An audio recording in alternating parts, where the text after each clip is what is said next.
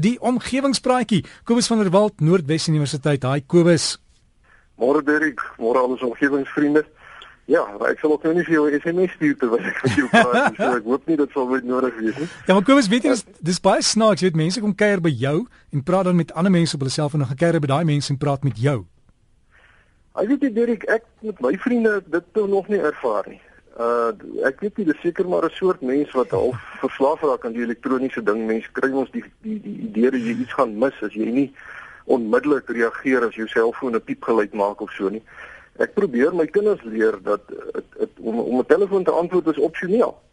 Jy weet mense dink altyd as die telefoon lui dan moet jy hardloop en ding antwoord. As ek besig is met iets in die telefoon lui dan dan antwoord ek hom nie. Ou moet maar weer bel. Ja, as Marcus. So, mense moet nie verslaaf raak aan die elektroniese media. Mense moet dit ook nie oordryf dink ek nie. Jy weet dat mense nou die ding heeltemal ignoreer nie.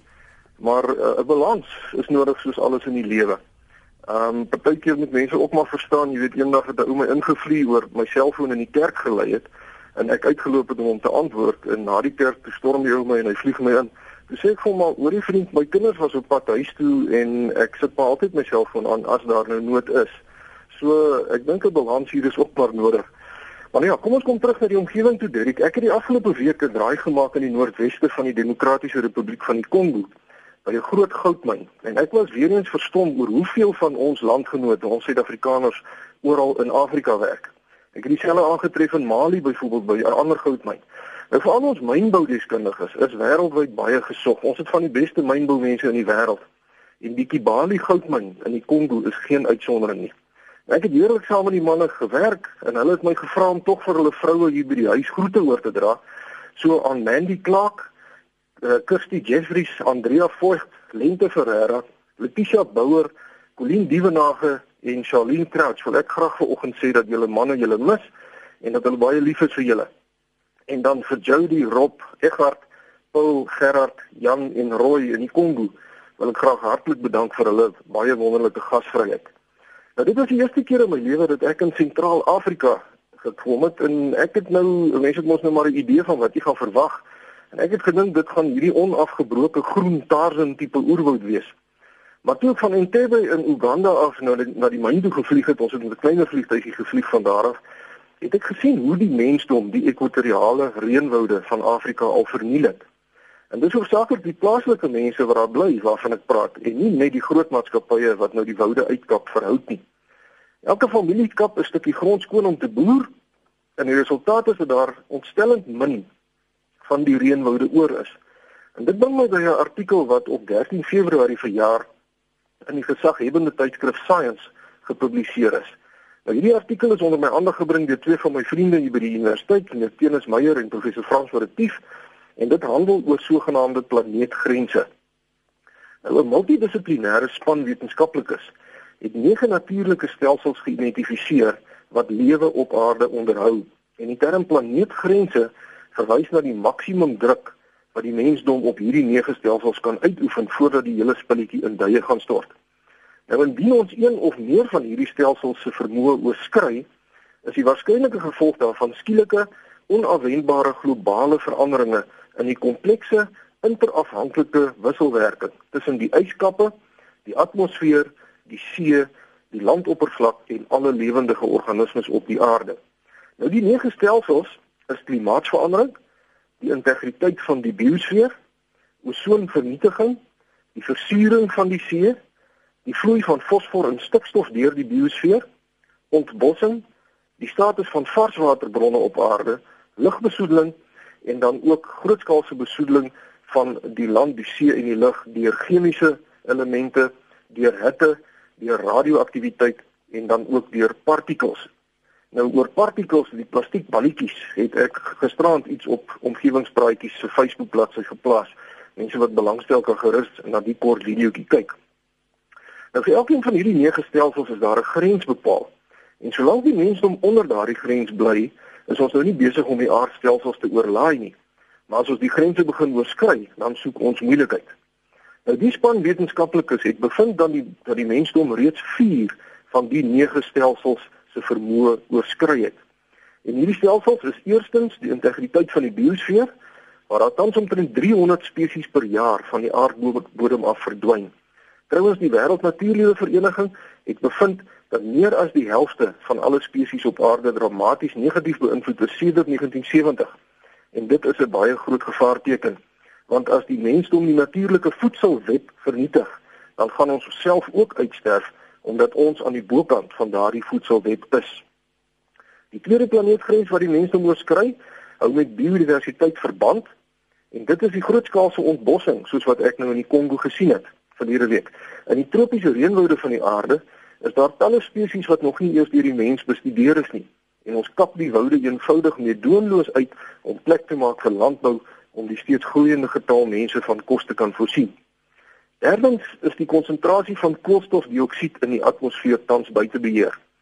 Die wetenskap het goeie data wat strek oor die afgelope 400 000 jaar en dit wys ons dat daar 'n natuurlike siklus waargeneem kan word waar die CO2 vlakke omtrent elke 100 000 jaar styg en daal maar die maksimum vlak van CO2 was oor die afgelope 400 000 jaar nog nooit hoër as 300 dele per miljoen nie.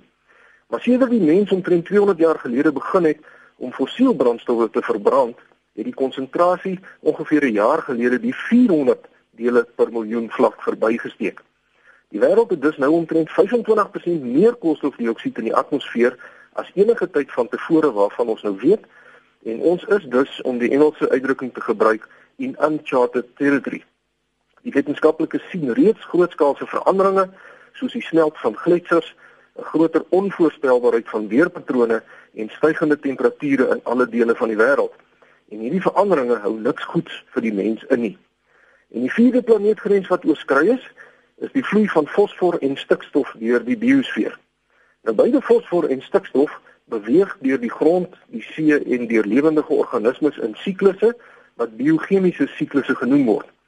En vanweë die groot klomp mense op aarde word hierdie siklusse versteur deur byvoorbeeld rioolbesoedeling van varswaterbronne en ook die see. En dit is kommerwekkend dat daar al hoe meer dooie kolle in die see voorkom waar alle lewe uitgewis word deur eutrofikasie wat die gevolg is van die grootskaalse en aanhoudende besoedeling van stikstof en fosfor in riool. Dit is die vier planeetgrense wat reeds deur die mens oorskry is en dit laat groot rooi gevaarligte flikker vir die voortbestaan van die mens. Maar daar's wel hoop. En ek gaan graag 'n paar redes gee waarom ek nog nie op moedverlose vlakte sit nie. Eerstens het die mensdom gewys dat ons wel effektief kan optree as die dringendheid van 'n saak wêreldwyd baie effektief gekommunikeer word. En ek verwys hier na die gat in die ozonlaag. Ons is besig om daardie stryd te wen.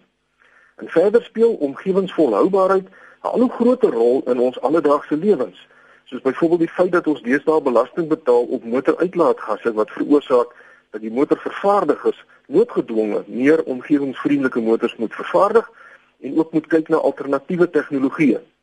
Ons sien dat sedert 2011 die verkope van elektriese motors jaarliks verdubbel en in Noorwe is een uit elke 100 motors deesdae elektries. En hierdie elektrisiteit word dan ook nat, uh, natuurlik toenemend deur groen elektrisiteitsbronne opgewek. Derdens is omgewingskwessies deesdae 'n belangrike politieke besprekingspunt, veral in die eerste wêreld. En ons sien dit byvoorbeeld in die komende presidentsverkiesing in die VSA, waar die toestand van die omgewing 'n belangrike debatonderwerp is.